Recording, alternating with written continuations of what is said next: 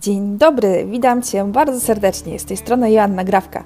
Jestem menadżerem BIM w Man Machine oraz architektem z wieloletnim doświadczeniem. Zapraszam Cię na nasz podcast Archipogadanka, w którym to będziemy rozmawiać o architekturze od kuchni, bez żadnego filtra.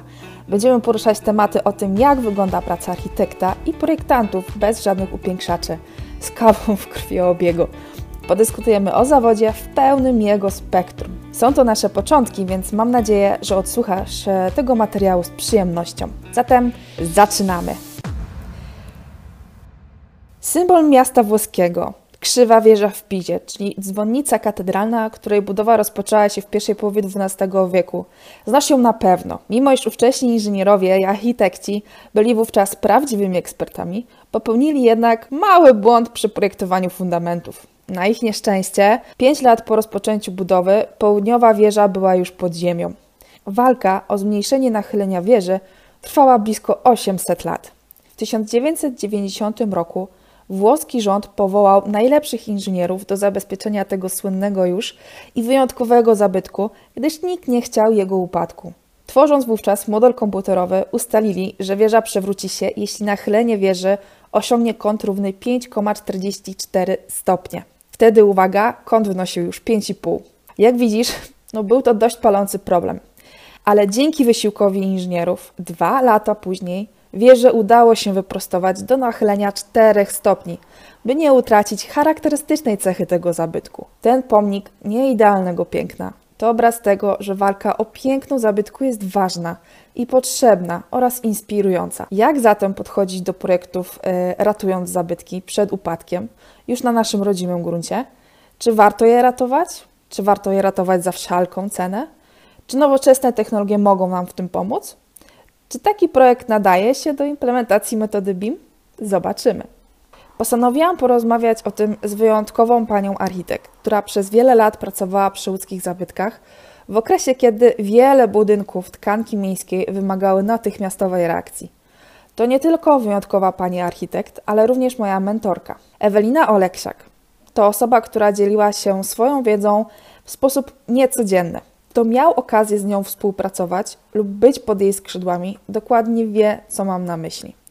Była wspaniałym team liderem. Dzięki niej projekty, nad którymi pracowaliśmy jako zespół, kończył się sukcesem. Uczyła mnie projektować, pracować w zespole, załatwiać również sprawy administracyjne. Dziś jest również genialnym ilustratorem i grafikiem. Jej prace poza walorem estetycznym niosą również za sobą potężną wartość dla maluchów. Wydaje własne książki, tworzy markę Baśnik. Dzięki niej właśnie parę lat temu pokochałam zabytki, a przede wszystkim zrozumiałam ich wartość. Ze względu na to, że nasza rozmowa z Eweliną okazała się bardzo wciągająca, to zdecydowałam się na podzielenie jej na dwie części, żeby lepiej Ci się odsłuchało. Zatem zapraszam Cię na pierwszą jej część. Miłego słuchania. Cześć Ewelina, miło mi Cię znowu widzieć. Cześć Asiu, mnie również, bardzo miło Cię widzieć. Super, że się zgodziłaś na dzisiejsze spotkanie. Co głównym tematem naszej rozmowy będzie praca architekta w świecie zabytków. I jak może się wydawać złowogich konserwatorach, które często krążą nad każdym obiektem objętym ochroną konserwatorską. Jakiś czas temu prowadziłam webinar o podobnej tematyce, mm, który miał przybliżyć trochę tę dziedzinę projektów. No i tutaj nasuwa się pierwsze pytanie. Jaka jest różnica między takim projektem od zera, gdzie mamy pustą działkę i ją dostosowujemy do obecnych przepisów, czy to miejscowego planu, czy do WZ, e, a między takim projektem, e, który e, jest obiektem istniejącym, który jest objęty jakąś formą ochrony zabytków. Mhm. E, dobrze, dziękuję Ci bardzo za zaproszenie do rozmowy. Cieszę się też, że właśnie możemy sobie trochę razem poprzypominać czas, w którym miałyśmy okazję pracować razem. Bardzo miło będzie mi wrócić do tych wspomnień. Ale zanim zakręci się łezka w oku, to spróbuję odpowiedzieć na Twoje pytanie. E, no oczywiście, tak, wiadomo, projekt y, nowej architektury, projektowania od zera na pustej działce zdecydowanie różni się od pracy nad zabytkiem i istniejącym obiektem.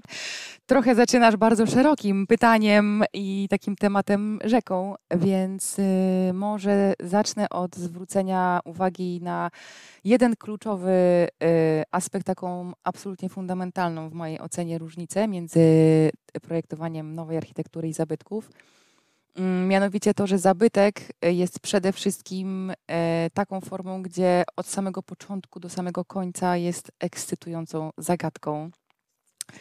E, I myślę, że w czasie naszej rozmowy rozwiniemy sobie tutaj słowo ekscytującą, bo to ma swoje dobre i złe niestety strony.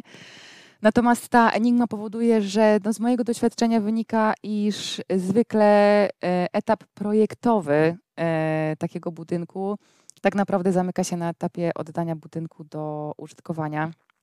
E, dlaczego?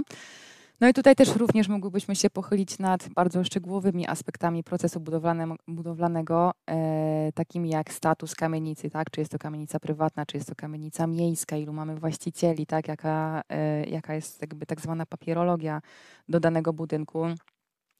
Pochylić się nad funduszami, jakie posiada inwestor na realizację projektu. E, które wprost przekładają się na przykład na ilość odkrywek, e, które możemy zrobić, na możliwości poznawcze po prostu zabytku na etapie projektowym, które tak naprawdę determinują to, na ile znamy ten budynek, kiedy zaczynamy stawiać pierwszą kreskę i w sposób zero-jedynkowy przekładają się na niespodzianki na budowie. E, możemy też przyjrzeć się sytuacji najczęściej spotykanej w Polsce, czyli pracy nad miejskim zabytkiem z ograniczoną ilością funduszy, bo myślę, że jest to 90% przypadków rewitalizacji, przynajmniej w centralnej Polsce. E, czyli takich projektów, przy których ja miałam okazję pracować. E, I przede wszystkim różnica jest taka, że pracując z zabytkiem mamy gotowego, nieco zaniedbanego gargamela, którego wnętrze kryje wiele niespodzianek.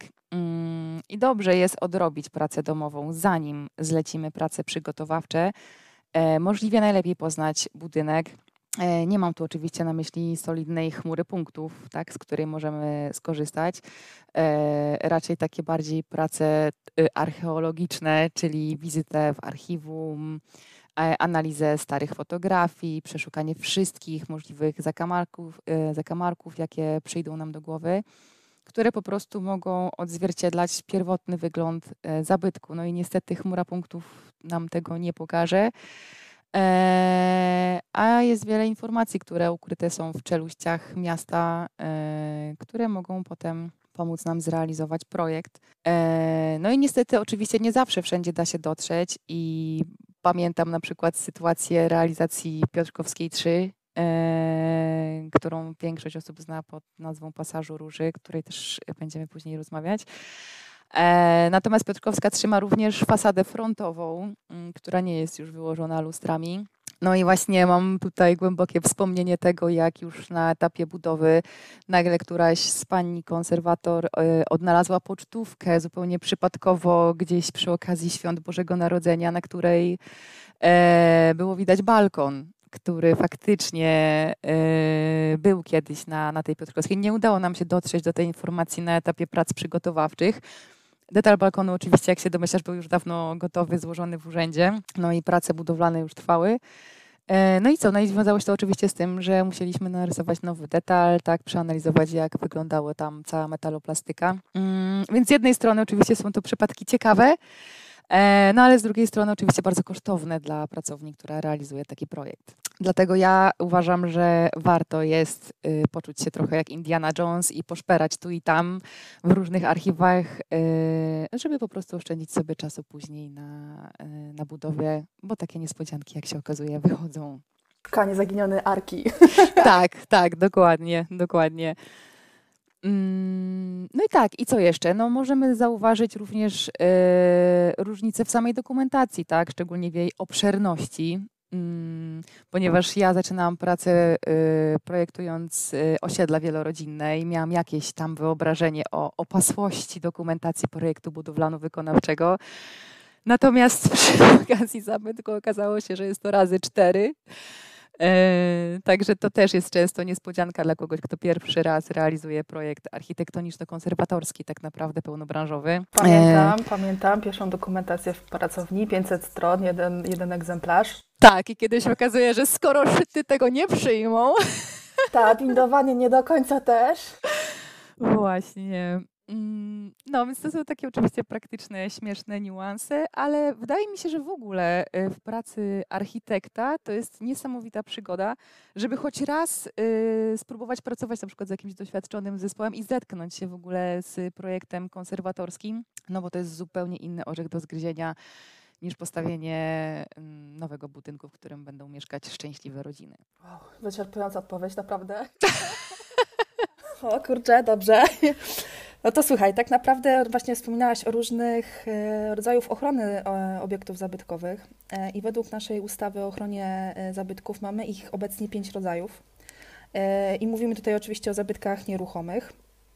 I mamy m.in. wpis do rejestru zabytków, wpis na listę skarbów dziedzictwa, można też uznać za pomnik historii. E, można też utworzyć park kulturowy, który obecnie chyba jest e, Piotr, ulica Piotrkowska, jest parkiem, mm, parkiem tak, tak. kulturowym. Dodatkowo jest ustalenie ochrony w miejskim planie zagospodarowania przestrzennego. Natomiast powiedz mi, jak w takim razie to wpływa wszystko na proces budowlany z obiektem takim uchronionym, jakąkolwiek formą? I czy widać również tą różnicę w typie własności prywatnej, a publicznej, takiej miejskiej? Mhm. E, wiesz co, no oczywiście tak, też widzę, że świetnie się przygotowałaś, wymieniając wszystkie formy ochrony. Gratuluję. To też przygotowanie, tak. Tak, no i oczywiście e, tak, jak najbardziej forma ochrony bardzo stabilizuje przede wszystkim harmonogram prac, bo troszeczkę inaczej e, można przygotować dokumentację, jeśli mamy do czynienia z zabytkiem e, rejestrowym, troszkę inaczej, że jest to ochrona w miejscowym planie zagospodarowania przestrzennego, czy w decyzji o ustaleniu celu publicznego na przykład, tak, czy po prostu zwykłej WZ. Przede wszystkim ważnym aspektem tego są podmioty, z którymi musimy uzgodnić zarówno dokumentację, jak również wszystkie nasze śmiałe poczynania później na budowie, tak? Czy pracujemy z konserwatorem wojewódzkim, czy z konserwatorem miejskim, tak? E, w tym czasie, w którym ja przeżywam swoją przygodę z zabytkami, e, dużą część e, obowiązków konserwatora wojewódzkiego przejmował w Łodzi miejski konserwator zabytków. Także teraz to też się dość mocno pozmieniało, natomiast wówczas faktycznie ułatwiało to pracę, ponieważ projekty po prostu nie utykały, tak w cudzysłowie mówiąc kolokwialnie, na etapie urzędowym, tylko można było to na bieżąco faktycznie uzgadniać i bardzo dobra była współpraca również między konserwatorem a e, Urzędem Miasta i wszelkie pozwolenia tak, na prowadzenie prac konserwatorskich, czy już samo nawet uzyskanie pozwolenia na budowę, tak, e, faktycznie szło dość sprawnie. Tym bardziej, że w Łodzi bardzo e, prężnie urzędnicy starali się realizować projekt 100 kamienic dla Łodzi, tych projektów było naprawdę ogrom. One później przekształciły się tak w rewitalizację kwartałów, więc też widać, że urzędnicy wyciągnęli jakieś wnioski z tego, jak można realizować takie projekty. E, natomiast odpowiadając na pytanie, jak praca z zabytkiem wpływa na proces budowlany, przede wszystkim moim zdaniem najważniejszy jest dobór e, dobrego zespołu. Natomiast przez dobrego nie mam na myśli jedynie doświadczonego, bo wiadomo, że zawsze oczywiście z doświadczonymi osobami pracuje się najłatwiej. Eee, ale moim zdaniem absolutnie kluczowe jest to, aby pracować z zaangażowanym konserwatorem, który zrobi nam rzetelny program prac konserwatorskich, z dobrym konstruktorem, który niekoniecznie będzie chciał wszystko zalać żelbetem tak, lub obić stalą, tylko będzie miał jakąś świadomość tkanki, na której e, pracujemy. No i możliwie największa wiedza o tym, e, nad czym pracujemy, ponieważ to może nam oszczędzić wiele czasu i pieniędzy na etapie budowy, tak jak powiedziałam wcześniej, i uzyskać naprawdę spektakularny efekt.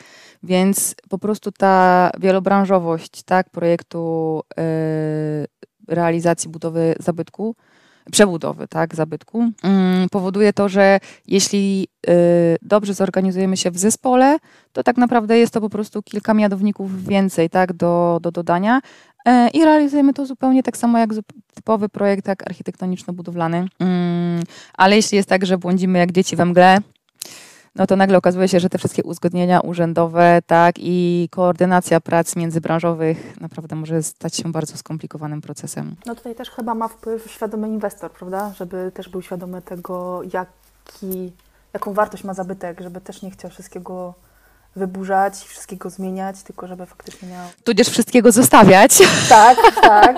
Kima zawsze dwa końce. Tak, no jasne. No de facto oczywiście możemy rozmawiać o procedurach, tak, i o jakichś formach prawno-urzędniczych, natomiast yy, de facto ostatecznie spotykamy się z człowiekiem, tak? I też faktycznie mocno determinuje y, szybkość i sprawność realizacji projektu to, na jakiego człowieka trafimy w urzędzie, jak on będzie interpretował artykuły prawne, e, no i jaką będzie miał właśnie świadomość tego, co możemy tak naprawdę zrealizować. No bo faktycznie dużym problemem realizacji projektów miejskich są po prostu finanse. E, I często jest tak, że może mamy nawet najlepsze zamiary, a zderzają się one po prostu z szarą rzeczywistością, tak? Tak, wiadomo, z pieniędzmi. Dokładnie, jak nie wiadomo o co chodzi. Tak, tak. chodzi o pieniądze. Wiele lat temu prowadziłaś spacery po łódzkich e, kamienicach e, w ramach festiwalu Łódź Design, które te kamienice były na różnych etapach prowadzenia prac projektowych. I takim pierwszym adresem, pamiętam, była Zielona 6, bo brałam udział w tych, e, tych spacerach i to mocno zmieniło moje następne potem życie. Pomyślałaś sobie, już nigdy więcej nie wejdę do żadnej kamienicy. Uciekaj dziecię prześnie. Tak, pamiętam, że po prostu ta kamienica była w bardzo złym stanie i robiło na mnie to ogromne, mm -hmm. naprawdę ogromne wrażenie. I ona była jeszcze w trakcie, w trakcie albo tuż po inwentaryzacji. Mieliśmy spacery i pamiętam dziura w stropie i te tak. opuszczone mieszkania, gdzie pęknięte nadproża. Tak po prostu. I pamiętam pierwszy raz, kiedy miałam kask na głowie, to było takie, no wow. Aczkolwiek wtedy pamiętam, że mnie coś ujęło w tym, jakaś aura, jakaś tajemniczość tego, tego świadomość, że ktoś tutaj żył, tu toczyła się jakaś historia, naprawdę mi to zafascynowała. Mhm. Może poruszyć wyobraźnię, prawda? Tak, i właśnie faktycznie potem stwierdziłam, że warto pracować przy takich obiektach, że to musi być super wyzwanie i że takie zderzenie się z historią może być naprawdę takie też pouczające i takie. Uczy poszanowania tak, po prostu tak. tego, co jest, nie? Bo oczywiście łatwo zawsze jest coś wyburzyć, postawić nowe, lepsze, większe, tak, droższe i tak dalej. Natomiast trudno jest też świadomie tak. y, przearanżować taką tkankę na coś dobrego. Właśnie tak teraz też wszystko jest od nowa, wszystko jest, musi być nowe i to tak uczy właśnie poszanowania do tego, co było i właśnie do historii, bo tak gdzieś, gdzieś to się zatraca, ale tak, no pamiętam, wywarło na mnie to ogromne wrażenie, nie dość, że budynek, to jeszcze Twoja wiedza w tym w całym spacerze. To cudownie, cieszę się, że mogłyśmy mieć razem takie przeżycie. Dla mnie też te spacery były bardzo wyjątkowym wydarzeniem. I tu trzeba wspomnieć właśnie, że w ramach tych spacerów były trzy kamienice. Y, jedna była właśnie na etapie inwentaryzacji, czyli Zielona 6, mhm. druga w trakcie realizacji, czyli Piotrkowska 243, tak. I taka kamienica, która już była praktycznie na ukończeniu, to właśnie była Piotrkowska 3, o której będziemy jeszcze troszeczkę bardziej mhm. rozmawiać, bo tu się kryje fantastyczna, gigantyczna historia, która musi wybrzmieć. Natomiast to było moje pierwsze zderzenie z, z w ogóle z obiektem zabytkowym i z pracą przy zabytkach. Więc tu pytanie też, jakie jest Twoje pierwsze zderzenie z zabytkiem i co to był za projekt i jakie stawiał przed Tobą wymagania albo jakie wyzwania miałaś w tym momencie? Hmm. No, moje zderzenie z zabytkiem po raz pierwszy chyba nie było tak spektakularne w takim razie jak twoje. Chociaż przyznam szczerze, że opowiadając o swoim pierwszym w ogóle zderzeniu z zabytkami, yy, czuję się naprawdę jak taki porządny dinozaur. Zdecydowanie to nie były jeszcze czasy, w których można było zajrzeć sobie do chmury punktów, obejrzeć detal, czy, czy stworzyć sobie makietę budynku w Rewicie. Eee, Szczerze mówiąc, można byłoby rozpocząć tę opowieść niczym baśniową sagę. Dawno, dawno temu, na początku XXI wieku, usiadłam z Markiewiczem na kolanach i próbowałam odnaleźć tam, tak, e, odnaleźć tam detal na przykład wzmocnienia belek styropowych no i jak się domyślasz, niestety nie odnalazłam w żadnym tomie Markiewicza takiego detalu, natomiast mnóstwo okapów, rynien, rynhaków i wielu innych y, detali nowego budownictwa. E, no, po prostu nikt jeszcze wtedy nie pisał, z, może nie tyle nikt nie pisał, co nie były to materiały łatwo dostępne dla studentki, którą byłam e, zaczynając pracę z, z kamienicami. E, no i przyznam, że w Łodzi były to bardzo ciekawe czasy. E, moją pierwszą realizacją i projektem była Piotrkowska 243, e, czyli od razu skok na głęboką wodę i budynek rejestrowy. Mm, no i co, Asiu, no co ci mogę powiedzieć? No dużo kawy, to my pana Markiewicza przytłaczające moje kolana dzień i noc. E, dużo rozmów w urzędzie z, konserwator, z konserwatorami e, aby się po prostu dokształcić, tak? No, ja przyznam szczerze, że czułam się naprawdę jak totalny e, żółtodziób, tak? Nie wiedziałam zbyt wiele o tym, jak, e, jak do tego podejść, z czym to się je. Na szczęście e, wielkie podziękowania naprawdę dla pań z Urzędu Miejskiego Konserwatora Zabytków, które poświęciły mi ogrom czasu na e, edukowanie właśnie takiej żółtej kaczuszki, która tam do nich wtedy przyszła i starała się zrobić coś dobrego. E, no a te panie posiadały naprawdę ogromną wiedzę, którą chętnie się ze mną dzieliły, otworzyły przede mną wiele drzwi, z których mogłam skorzystać. No i przyznam szczerze, że dla mnie też dużym problemem było to, że nie było w Łodzi, w, miejscu, w mieście, w którym pracowałam z kamienicami, e, nie było wielu biur, które miały e, doświadczenie w rewitalizacjach, w renowacjach e, zabytków. No i tak naprawdę faktycznie trzeba było te wszystkie otwarte drzwi wyważać samemu. Całą wiedzę zdobywaliśmy na żywym organizmie. Naprawdę pamiętam, jak po nocach rysowałam pierwszą, trzecią, piętnastą wersję tego samego detalu. No i teraz właśnie uwaga, to może być ciekawe. Wszystkie te detale rysowałam ręcznie na kartkach papieru, yy, tak, cienkopisami w różnych kolorach, żeby wszystko było widać. No i następnego dnia szłam na konsultację z, z konserwatorem.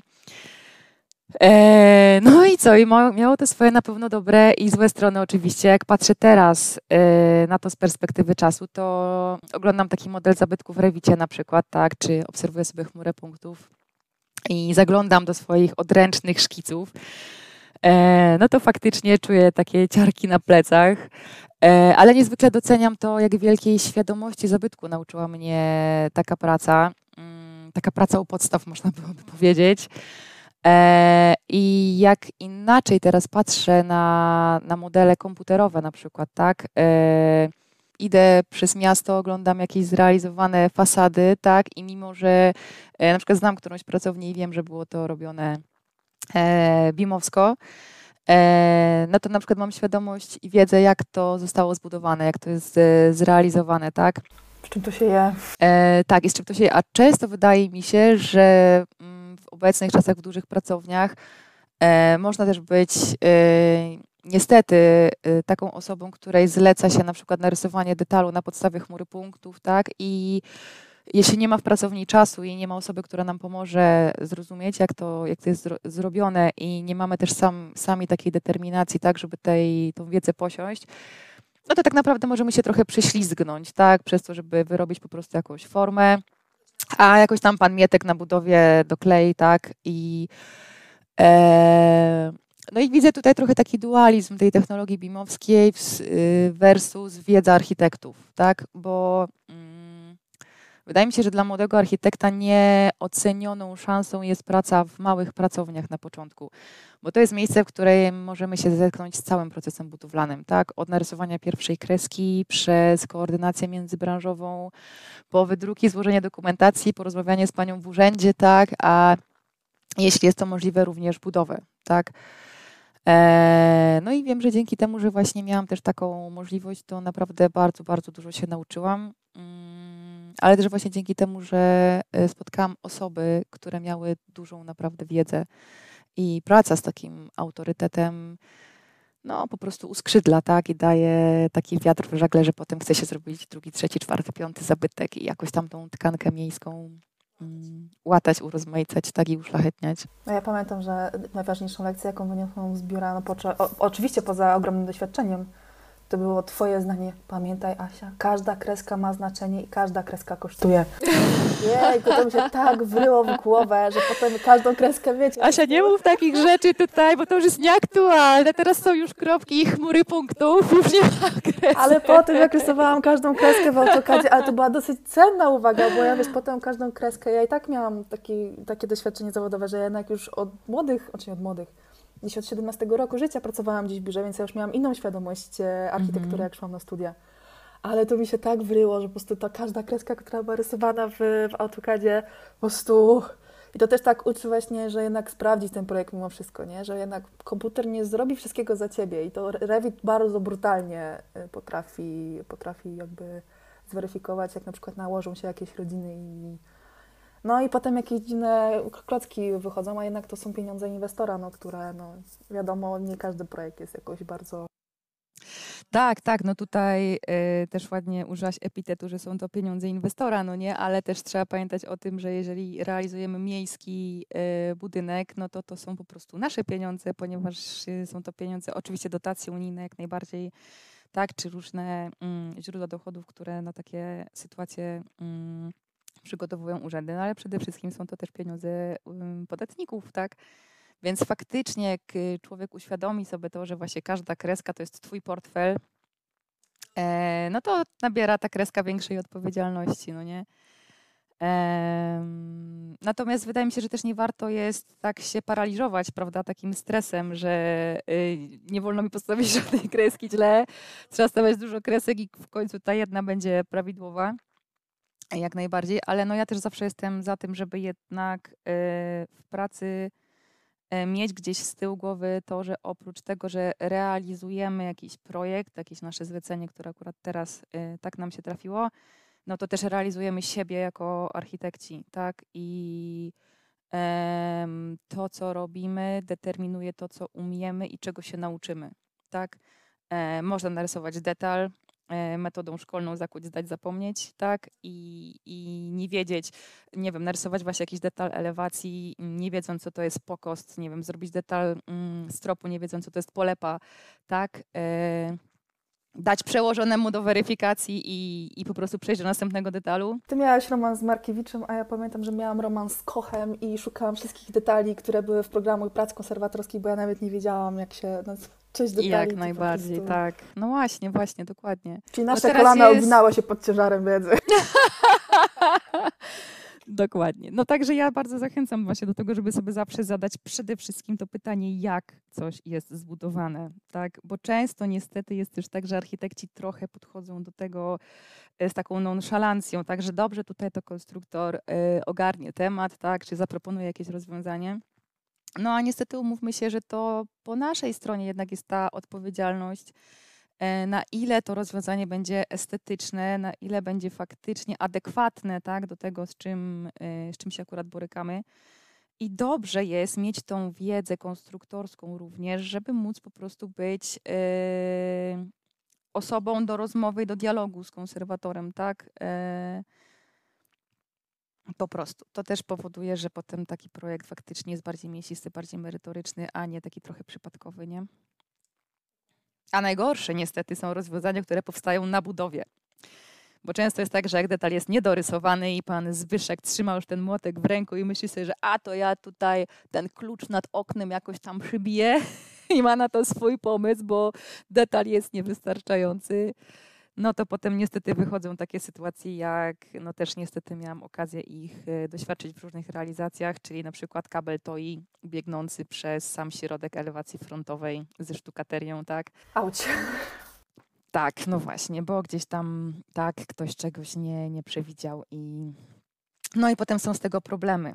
Niestety, tak. Albo efekt jest niewystarczający, niezadowalający nawet z naszego punktu widzenia, tak. I zamiast wielkiego wow jest wielkie oj. Słowo na KOI.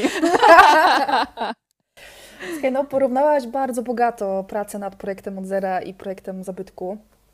E, I tak naprawdę też wyłuszczyłaś, że największe różnice widać zdecydowanie na etapie przygotowań, choć tak na pozostałych etapach też jest sporo różnic.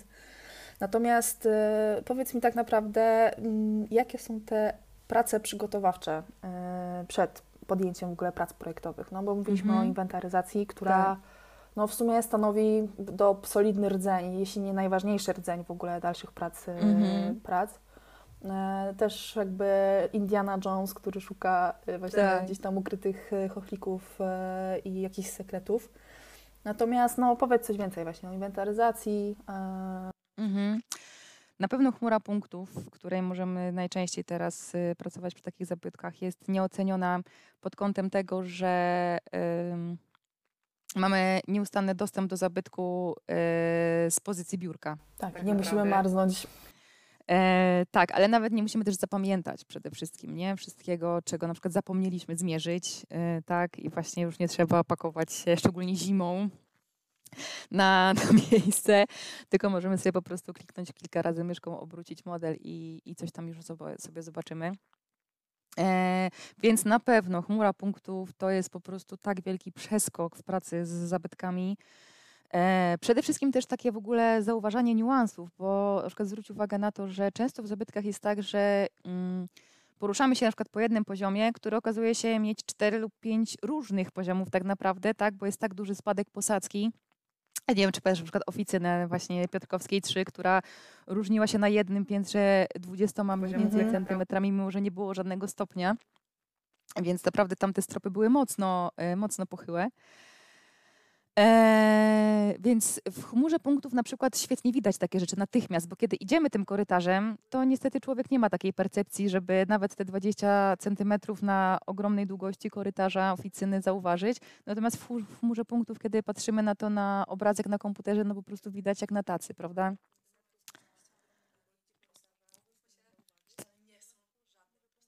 Tak, tak, no w ogóle w kamienicach czy w zabytkach nie ma czegoś takiego jak tak kąt prosty. ścianę, tak, która tak, nie idzie prosto. porzucić wszelkie ekierki. nie są żadne prostopadłe No właśnie, więc pod tym kątem moim zdaniem chmura punktów to jest taki właśnie niuans, tak, o którym też rzadko się mówi, po prostu wynajduje nam te smaczki tak. w sposób absolutnie perfekcyjny i no nie znam chyba równie dobrego e, architekta, który byłby w stanie właśnie tak świetnie zmierzyć tak obiekt jak, jak chmura punktów. E, no ja niestety pamiętam faktycznie te inwentaryzacje, odmarznięte ręce, tak, nie tylko e, laser, ale również metrówkę, którą trzeba było pomierzyć sobie okna na przykład. E, ale co na przykład ciekawe, też pamiętam wszystkie inwentaryzacje i filozoficzne rozmowy z marginesem społecznym mieszkającym na klatkach schodowych. tak, i to jest wiedza, której nie da ci Revit. ani żadne archiwum. No i faktycznie zdarzyły tak, się sytuacje, w których na przykład yy, taka sytuacja, jeśli teraz pamięć mnie nie myli, miała miejsce na Sienkiewicza 20 właśnie, yy, gdzie no faktycznie yy, pojawiło się wielu lokatorów klatek schodowych, y, którzy bardzo się z nami zaprzyjaźnili na etapie inwentaryzacji. E, chłopcy, którzy tam musieli wtedy jeździć, nie byli tak bardzo zadowoleni. Mm-hmm. Ale był pan, który właśnie nam zaczął opowiadać różne swoje anegdotki, jak to się żyje na tej klatce. No i właśnie wspominał jakąś e, imprezę, na której e, pan Zbyszek Mietek, czy jakkolwiek miał ten pan na imię, urwał właśnie jakiś kinkiet. I potem ten kinkiet panowie odnosili na złom, tak, żeby sobie tam dorobić na kolejny posiłek.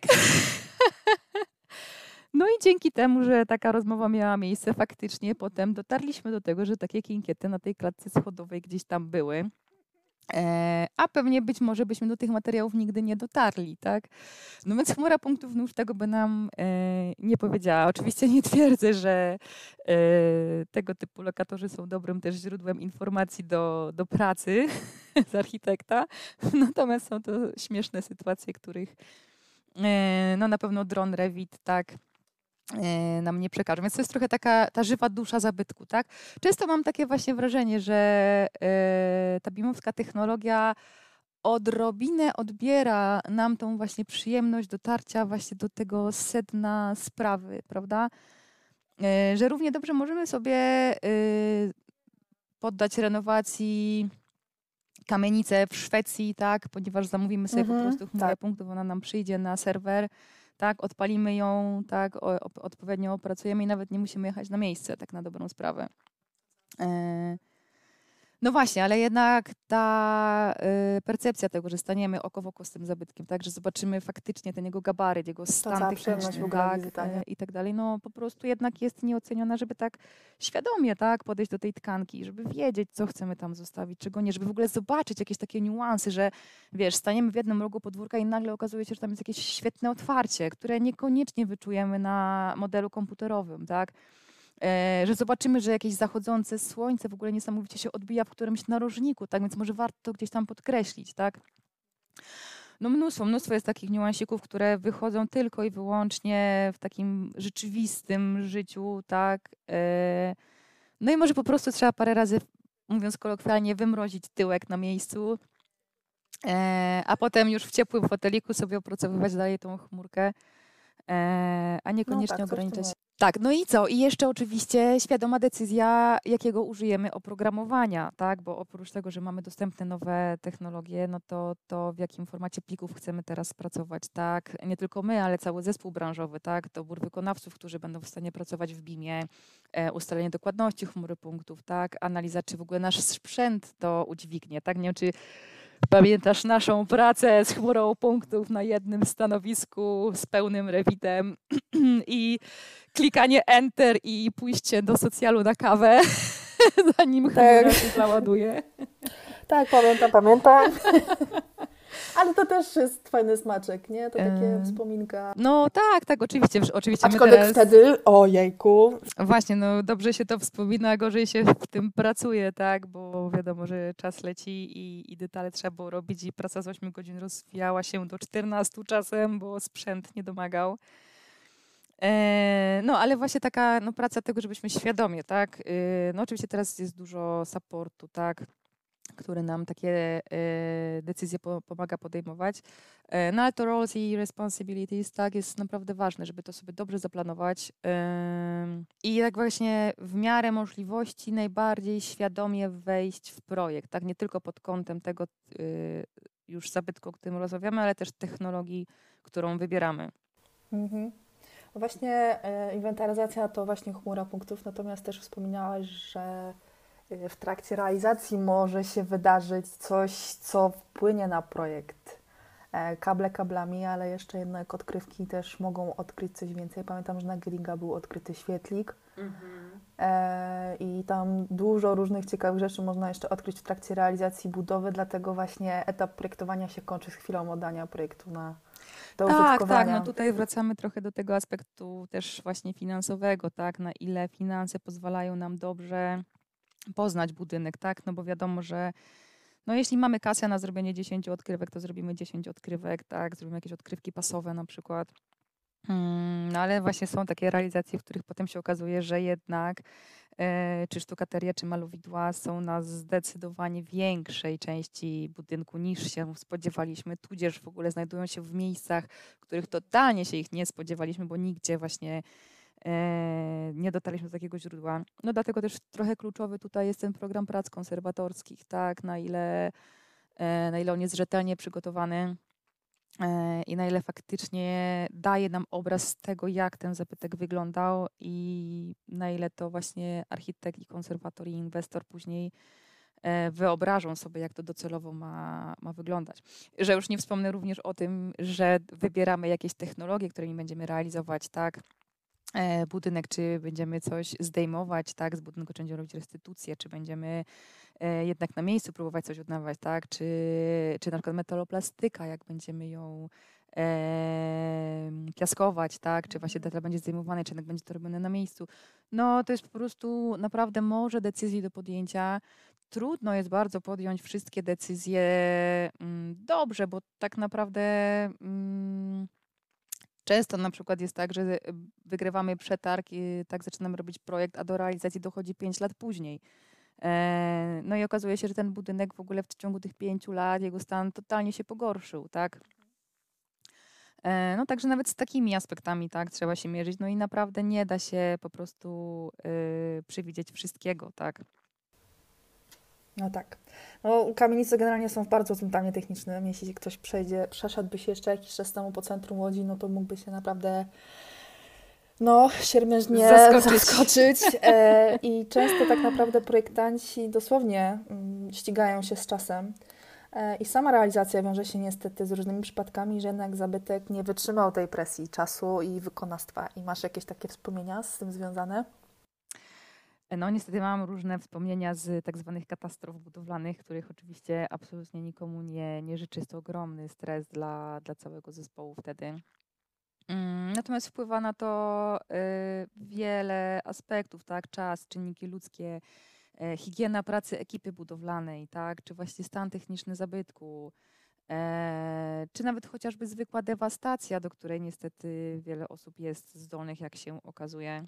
No, na przykład wycinanie słupów żeliwnych. Tak.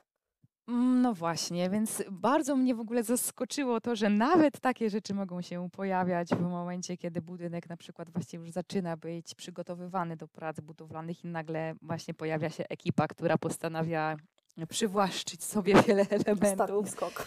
Tak, no i na przykład pan nie jest świadomy, że jak właśnie coś tam uszczknie z kamienicy, no to może strop się zawali.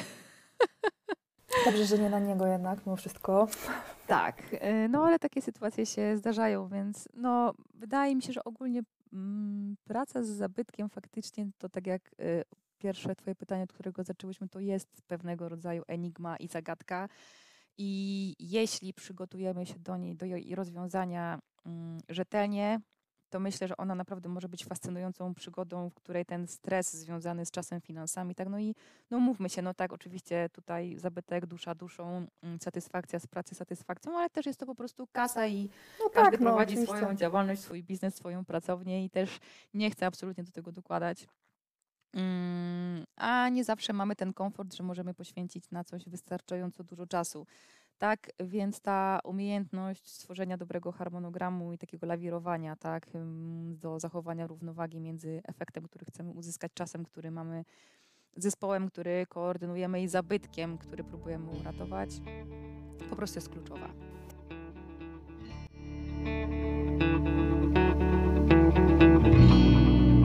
I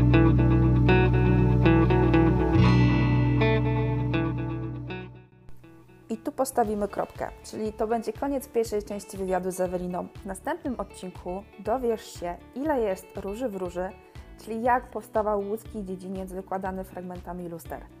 Postaramy się też znaleźć z Eweliną odpowiedź, czy budynki zabytkowe nadają się na implementowanie BIM e, w pracowniach oraz opowiemy Wam, jak wyglądał nasz pierwszy projekt pilotażowy. Napisz do mnie, jeśli będziesz chciał się z czymś podzielić lub masz może jakiś pomysł na ten na następny temat archipogadanki, który mogę poruszyć. A Ciebie zapraszam na kolejną część już za tydzień. Pozdrawiam serdecznie i do usłyszenia.